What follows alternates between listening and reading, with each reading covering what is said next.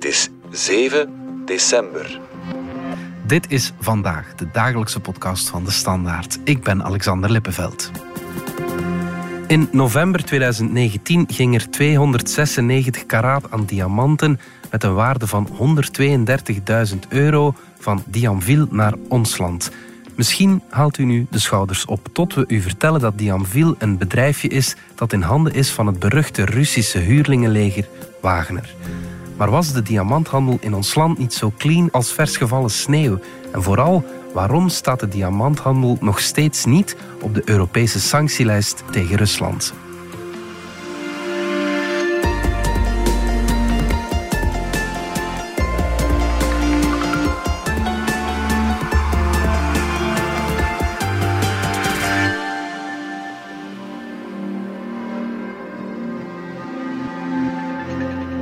Casper Goethals, reporter voor ons weekblad. Vertel om te beginnen eens wie die uh, beruchte Wagnergroep is. De Wagnergroep is een privéleger. Eigenlijk mogen uh, landen niet met privélegers vechten. Dat is verboden volgens het internationaal recht. Maar de Wagnergroep uh, bestaat dan ook officieel nergens op papier. Mhm. Maar sinds 2014 duikt die groep op in allerlei conflicten. Eerst in Oekraïne, maar ook om president Maduro te helpen in Venezuela, in allerlei West-Afrikaanse landen, in Sudaan en in Syrië natuurlijk, waar Rusland ook allerlei belangen te verdedigen had. Ja. En die groep is gekend voor een ongelooflijke vreedheid. Begin dit jaar hebben er nog Wagner-soldaten in verschillende dorpen in de Centraal-Afrikaanse Republiek eh, meer dan 60 burgers gedood. Okay. Volkomen willekeurig op, eh, op dorpelingen ingeschoten. Mhm. En in Oekraïne natuurlijk weten we dat de Wagnergroep zeer actief is tijdens de oorlog. En ze wordt ook daar verdacht van oorlogsmisdaden aan het front. Ja, ja ze hebben ook een heel beruchte ja, topman, zeg maar, die uh, Prigozhin. Absoluut. Ja. Yevgeny Prigozhin is officieel de kok van Vladimir Poetin, de Russische president omdat hij allerlei banketten eh, voor hem organiseerde. Mhm. Maar deze kok is steenrijk en is een trouwe handlanger van Poetin. En leidt onder andere de Wagnergroep, maar ook, wordt ook in verband gebracht met het opzetten van de trollenfabriek in Sint-Petersburg, waarmee de verkiezingen in Amerika zijn beïnvloed eh, en waarbij dat er allerlei desinformatie op Europa en andere westerse landen wordt afgestuurd. Ja, man met een uh, palmares kan je wel zeggen. Ik vraag me altijd af waarom die groep de Wagnergroep heet. Wel, daar zijn verschillende theorieën over. Uh, maar de groep heet wellicht de Wagner-groep, omdat een van de stichters, Dimitri Oetkin, uh een voormalige GRU-agent, KGB-agent, die zijn roepnaam was Wagner. En bovendien, zo berichtte de Economist, was uh, Oetkin ook een, een fan van de nazi's. Ja. Had hij allerlei fascistische tatoeages. En uh, deelde hij dus met Hitler een favoriete componist, namelijk Richard Wagner. Wagner. Ja, ja, ja, ja. Je schreef al eerder over die uh, Wagner-groep. Het is niet de eerste keer dat dit naar boven komt. Dat klopt, ja. We hebben eigenlijk dit jaar onderzoek gedaan samen met internationale media van ons uh, netwerk, European Investigative Collaborations, naar een tak van de Wagner-groep die veel minder bekend is, namelijk de economische poot van die organisatie. Oké.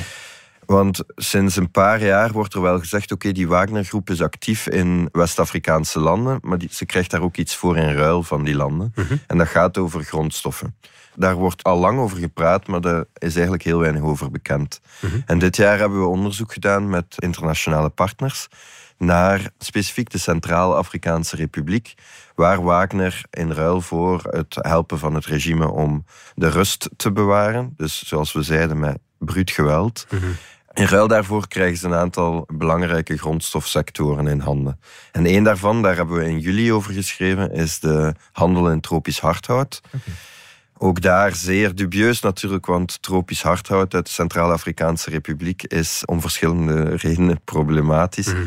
Om te beginnen zijn dat de meest ongerepte regenwouden die we nog hebben. Dus ja. uh, willen we die misschien niet ongereguleerd door Russische soldaten laten uh, afkappen. Nee, ja. En ten tweede zorgt dat hardhout ook voor de verderzetting van het conflict daar. Dus ja. dat was eigenlijk het eerste verhaal in juli. Het ging over een bedrijfje, Bois Rouge, waarmee Wagner onder de radar tropisch hardhout op de wereldmarkt verkocht. Ja. Wellicht ook naar Europa, maar daar hebben we toen uh, geen echte zwart-op-wit bewijzen van kunnen vinden. Ja. Nu hebben we onderzoek gedaan naar een tweede sector, de diamant in de Centraal-Afrikaanse Republiek. Oké. En daarvoor heeft Wagner dus dat bedrijf Diamville gebruikt. Ja. Dat is in 2019 opgezet. Mhm. Een nieuwe diamantspeler in de Centraal-Afrikaanse Republiek. Komt helemaal uit het niets. En een paar jaar later is dat een van de vijf grootste diamantbedrijven van dat land. Ja, oké, ja. En, hoe komt dat? Ja, omdat die van de regering eigenlijk een boulevard hebben gekregen. Meteen vergunningen om te exporteren. Hmm. Allerlei licenties en ook toegang tot eh diamanten uit eh, mijnen, die ze trouwens ook in handen hebben. Ja. En op die manier heeft Diamville de internationale markt bereikt met Centraal-Afrikaanse diamanten. Ja. En ook België. Ja, wel, voilà, want diamant, dan denk je natuurlijk direct aan Antwerpen. Er zijn wat diamanten van Diamville in Antwerpen beland, hè? Dat klopt. Wij hebben van eh, het ministerie van Mijnbouw, wel niet van het ministerie zelf, maar van bronnen in het ministerie, gedetailleerde cijfers gekregen van de export van Diamville. En daar zie je, het gaat vooral naar Dubai. Dubai dat het veel minder nauw neemt met de regelgeving. Mhm. Maar er is daar ook een lading diamanten van 296 karaats, die in november 2019 naar België is gekomen. Oké. En dat is natuurlijk wel schrikken. Hoe kunnen Wagner-diamanten tot in België terechtkomen? Mhm. En dat heeft alles te maken met de positie van Antwerpen. Antwerpen is zeg maar de poort voor diamant eh, naar Europa. Mhm. Bijna alle diamant die Europa bereikt, passeert langs Antwerpen. En Antwerpen is bovendien ook gekend om goede relaties met de Russen. Dus hoe dat precies is gebeurd, dat vinden we helaas niet in die data waar eh, die diamanten daarna naartoe gegaan zijn. Welk bedrijf in België dat die in ontvangst heeft genomen. Of dat ze daarna zijn verkocht of aan iemands trouwring zijn Ja. eh, geëindigd in België, dat weten we niet. ja. Maar het is zeker dat ze hier aangekomen zijn. Waar ze nu zijn, dat weten we niet. Precies. Ja. Begin november eh, 2019 zijn die diamanten hier aangekomen. En dat gaat over een, een relatief kleine lading van 130.000 euro Ja. aan diamanten die eh, België zijn binnengekomen. En dat weten we zeker. Dat zien we ook terug in de cijfers van Eurostat. Mhm. Eh, dus eh, hier en daar waren er pogingen om verwarring te zaaien bij ons, maar we konden die cijfers verifiëren. Ja. We zagen, in, als we inzoomden in de statistische gegevens van Eurostat, het Europees Statistisch Bureau, dan zagen we dat er in november 2019 precies 296 karaat van de Centraal-Afrikaanse Republiek naar België was gekomen. Dat waren die Wagner-diamanten. Ja, oké. En hoe, hoe hebben jullie dat dan ontdekt? Want ja, het is natuurlijk geen heel grote lading. Dat blijft waarschijnlijk lang onder de radar. Eh, niet eenvoudig, denk ik. Hè? Het allergrootste werk was het bewijzen, wat een indicaties daarvan, maar het bewijzen dat Diamville een bedrijf van Wagner is. Mhm. Eh, de Wagner-groep, zoals gezegd, is uitermate schimmig en laat alleen maar een paper trail achter in de vorm van andere bedrijven. Ah, ja. De Wagner-groep is bovendien, staat ook op de radar van de Amerikanen, de Europeanen. Sinds de oorlog in Oekraïne zijn er heel wat mensen nog extra gesanctioneerd. Maar al sinds 2016 zijn er sancties tegen Wagner in Amerika. En sinds december vorig jaar ook in Europa. Ja. En dus hebben we gezocht naar eh, bewijzen dat de mensen achter Diamville, want officieel is dat een Centraal-Afrikaans diamantbedrijfje dat niets met Rusland te maken heeft, Mhm. Dat die mensen gelinkt zijn aan Wagner. En dat hebben we gevonden. De baas van dat bedrijf is de chauffeur van een van de belangrijkste Wagner-agenten in de Centraal-Afrikaanse Republiek. Ja. Er duiken allerlei foto's op van de personen die zich voordoen als Diamville-medewerkers, die dan blijken voor Wagner te werken. Een van de Russische medewerkers van Wagner verkocht de diamanten van Diamville op een Facebookpagina tussen selfies en foto's van haar boekencollectie. Ja. Dus we hebben al die dingen getraceerd, samengezet, samen met een onderzoeksorganisatie All Eyes on Wagner, met Der Spiegel en Mediapart. Dus het was al een onderzoek waar we de laatste maanden regelmatig eh, samen aan hebben gewerkt. En op die manier werd dat plaatje steeds eh, zichtbaarder. Ja. En dan hadden we uiteindelijk ook, eh, na lang aandringen, die gegevens van het ministerie van Mijnbouw met de exportcijfers. En zagen we daarin Antwerpen. Ja, oké, goed. Wat zegt de Antwerpse diamantwereld over jullie ontdekkingen? Dat is interessant. De Antwerp World Diamond Center is een koepelorganisatie voor diamanten in Antwerpen, maar is ook een lobbyorganisatie die zich bezighoudt met de belangen van de diamantsector. En zij hebben ons een beetje in de war gebracht voor publicatie zeiden ze letterlijk dat ze geen weet hadden van Diamville, dat bedrijf dat een front is voor Wagner. Ze zeiden ook uiteraard eh, niet van banden tussen Diamville en Wagner te weten. Mhm. En ze zeiden daarnaast nog van volgens onze informatie, een beetje tegenstrijdig, is Diamville alleen actief in Dubai. Nou ja. En dan zeiden ze tenslotte dat volgens hen onze informatie fout was. Dat de transacties waarover we spraken niet zouden hebben plaatsgevonden. Oké. Het is natuurlijk wel spannend als we de volgende dag op de front van de krant willen publiceren Ja. dat die diamanten van Diamville naar hier zijn gekomen en Antwerpen zegt dat klopt niet. Ja. We hebben uiteindelijk na lang aandringen gemerkt dat ze stopten met reageren als de vragen heel concreet werden. Mhm. En we hebben beslist om toch te publiceren. En dan zeer interessant, op het moment dat het gepubliceerd wordt, een paar uur later schrijft de Antwerp World Diamond Center op LinkedIn dat ze weten hebben van één transactietje van eh Diamville naar Antwerpen. En plotseling had die dus wel plaatsgevonden. Dat toevallig overeenkwam met... En dan was eh, er opnieuw een heel verhaal over dat de standaard het verhaal niet volledig genoeg heeft gebracht. Dus dat was al opnieuw een aanval. Ja, Maar ze kwamen dus wel terug op wat dat ze eerder hadden gezegd die week. ja oké, dat is wel opvallend. Dat ze dat zo proberen toedekken. Hoe reageert de politiek? Vanuit de politiek kwam er niet heel veel reactie en ook redelijk afwachtend. Dat heeft ook wel eh, een reden waar dat we misschien straks over zullen hebben. Ja. Maar ehm, ja, vanuit het ministerie van Buitenlandse Zaken kwam een soort standaardbericht dat het zorgwekkend is dat Wagner een, een verschrikkelijk bedrijf is. Mhm. En dan vanuit foto-economie kwam een reactie iets technischer over hoe dat zo'n transactie kan worden tegengehouden. Dat zij alleen weten hebben van één transactie, dat, eh, hoe ze dat monitoren, dat er sinds dat er sancties zijn tegen Wagner vorig jaar, dat er zulke diamanten niet meer kunnen komen. Mhm. En dat, dat is ook wel belangrijk om te zeggen. Die diamanten zijn dus aangekomen in Antwerpen voor de Europese sancties van kracht Ja, waren. ja, tuurlijk. Ja, ja, ja, ja. Jullie hebben ook een reactie gevraagd aan de Wagner-groep zelf. Hè? Wat, eh, wat zeiden zij? Ja, als we zo'n groot onderzoek doen, en eigenlijk altijd in de journalistiek, willen we ook wederwoord, willen we Ja. de reactie van de ander. En, en we hebben via via ook Prigozhin kunnen eh, contacteren. En die reageerde nogal spottend. Hm. Dus eh, we kregen dan antwoord. Hier zijn de reacties van Evgeny Viktorovich, dat is eh Prigozhin. Mhm. En die noemde onze, ik zei het in het Engels, die noemde onze vragen boorish, onbeleefd, Mhm. eh, bot. En zei daarna, het lijkt eigenlijk meer op een grap dan op een serieus antwoord, Hm.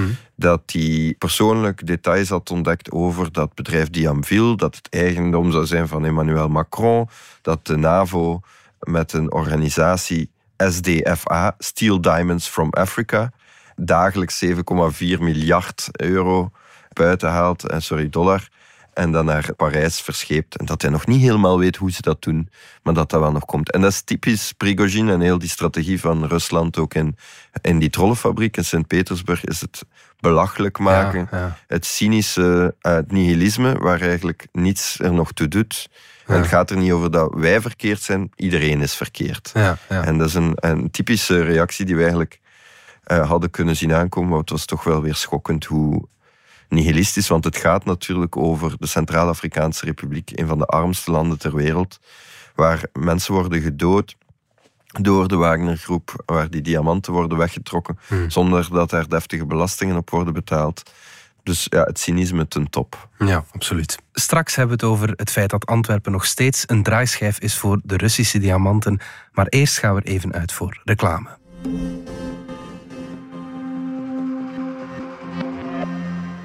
Ik ben Elke van Mello, radiostem en actrice. Hoewel ik in mijn job altijd mijn hart volg, moet ik als zelfstandige soms ook rationele keuzes maken. Dus rij ik met een plug-in hybride van Mercedes-Benz. Ik verbruik minder, rij vaak volledig elektrisch en fiscaal is het gewoon mijn beste optie. Dus slim gekozen, maar toch ook met het hart. Nieuwe bedrijfswagen? Bij Mercedes-Benz Heden Automotive maken we net als voor elke ook voor u graag een berekening op maat. Meer info op hedenautomotive.be.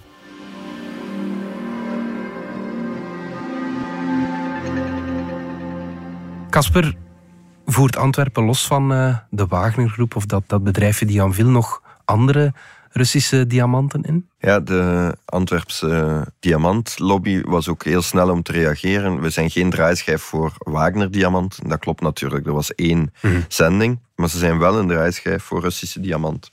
Naar schatting een kwart tot een derde van de diamant die hier in Antwerpen toekomt. En zoals gezegd, dat is bijna alle diamant die in Europa toekomt, is Russisch. En dat komt van een bedrijf, Alrosa, dat in handen is van, eh, voor 66% in handen is van de Russische staat en de Russische deelrepubliek Yakutië, waar veel van die diamanten worden gevonden. Ja. En dat bedrijf op zijn beurt is ook dubieus. Dus op de, aan de ene kant is het een staatsbedrijf waar de winsten van dus naar de oorlogskas van Rusland gaan, waarmee ze eh, de oorlog tegen Oekraïne kunnen verder voeren. Aan de andere kant is het ook een bedrijf dat rechtstreeks investeert in legermaterieel. Ze hebben eh, een militaire onder, onderzeer eh, gesponsord voor de Russen. Oké. En die heet de Alrosa. En ze hebben daar reclame voor gemaakt op een website, totdat het dan van hun partners internationaal moest weggehaald worden. Maar de Europese Commissie heeft dat ook goed gedocumenteerd. En dat bedrijf blijft dus zijn diamanten naar hartelust slijten in Antwerpen. En dat is natuurlijk wel zeer opvallend, want sinds de oorlog in Oekraïne van 24 februari dit jaar hebben we al acht sanctiepakketten van de Europese Unie gehad, die sector na sector hebben gesanctioneerd om Rusland economisch af te knijpen. Nu, de Antwerpse industrie, de diamantindustrie, heeft daar wel goede argumenten voor in zijn gelobby bij de Europese Commissie en de, en de Belgische overheid. Namelijk, diamant kan je relatief makkelijk ergens anders slijten. Gas verkopen in een ander land is zeer duur. Dan moet er een nieuwe pijplijn aangelegd worden, moet er een LNG-terminal gebouwd worden. Dat kost miljarden.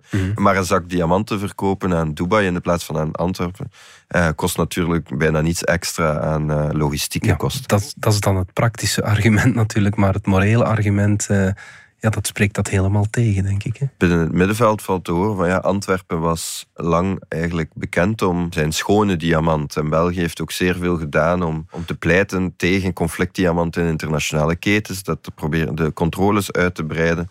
Dus anders dan Dubai bijvoorbeeld, is Antwerpen gekend voor eh, nazorg.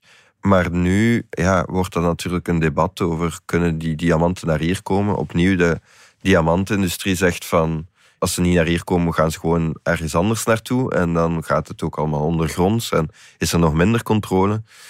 En anderzijds eh, is het ethische argument, ja, dat zijn diamanten die rechtstreeks De de, oorlog in Oekraïne financieren. En op die manier, ja, willen we dat soort diamanten in onze keten? Willen we die aan onze vinger? Willen we die in België? Dat debat is, heeft eigenlijk heel weinig gewoed. En in stilte heeft België blijven pleiten in de Europese Raad om te zorgen dat die diamanten niet gesanctioneerd worden. En dat is gelukt. Na acht sanctiepakketten is diamant nog steeds niet meegepakt. Ja. Dus dat is een debat dat ongetwijfeld zal terugkeren. Premier De Croo die zei daarover het volgende aan VTM Nieuws. De sancties die worden beslist door de Europese Commissie. De redenering van de Europese Commissie is steeds, als we maatregelen nemen, moet de impact veel groter zijn in Rusland dan bij ons. En de inschatting van de Commissie is steeds geweest, ja, mochten wij stoppen met die diamanten te importeren, dan verhuist die handel op één dag naar Dubai. De impact in Rusland die is nul. De impact in Europa die zou zeer groot zijn. Het opvallendste is misschien dat Zelensky, toen hij ons parlement eh, toesprak in maart al, toen zei hij, vrede is veel meer waard dan diamanten. Наприклад, що російські алмази в Антверпені, наприклад, це, це важливіше, ніж війна на сході Європи. Alle politieke partijen stonden recht en applaudisseerden. het is ook vervelend voor België. Eh, Alexander de Croo, onze premier, was net nog eh, bij Zelensky in Kiev. Hij zegt eh, elke keer als hij ernaar wordt gevraagd dat ze niet lobbyen uit de sanctiepakketten houden van diamant. Maar België onthoudt zich of stemt tegen in de raad.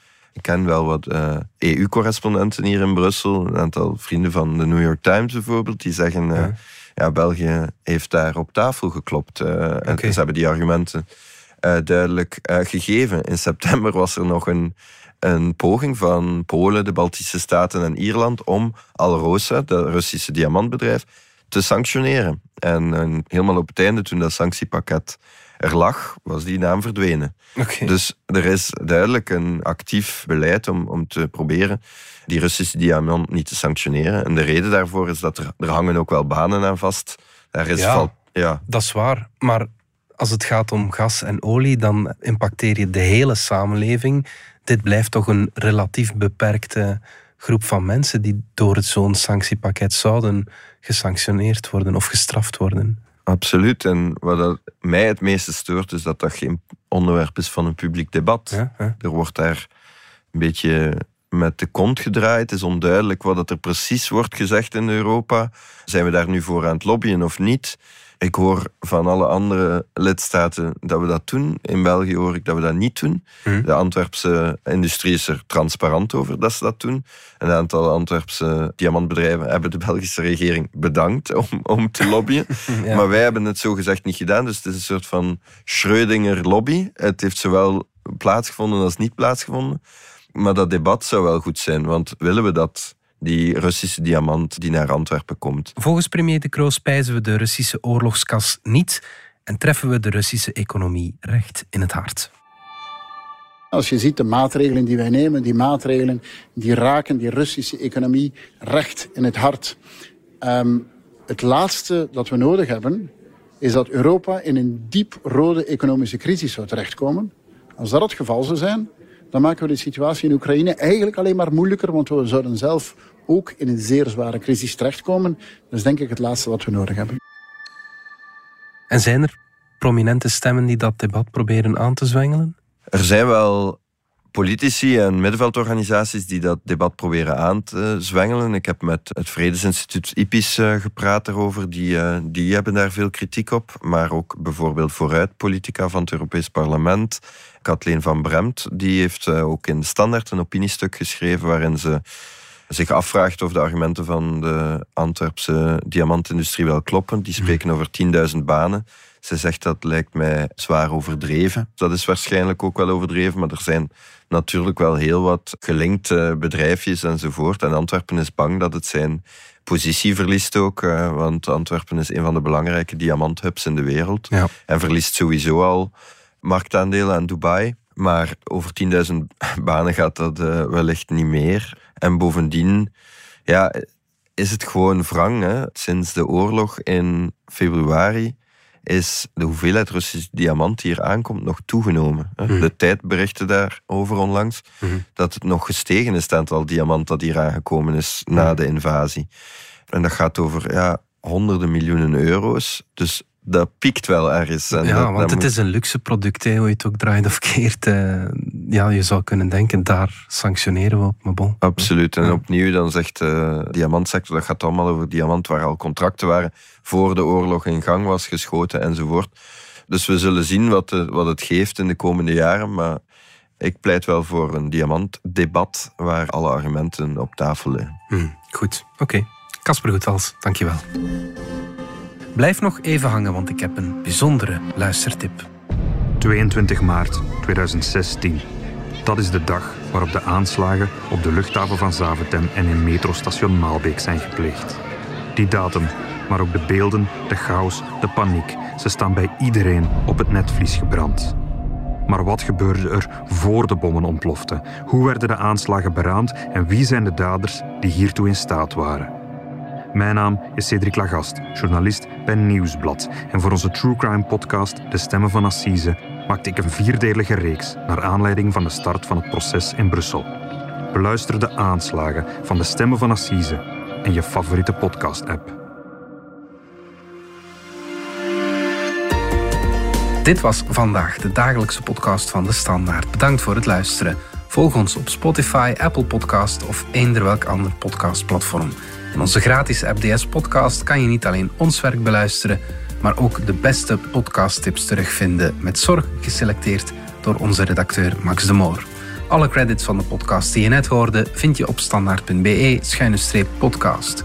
Reageren kan via podcast.standaard.be. Morgen zijn we opnieuw.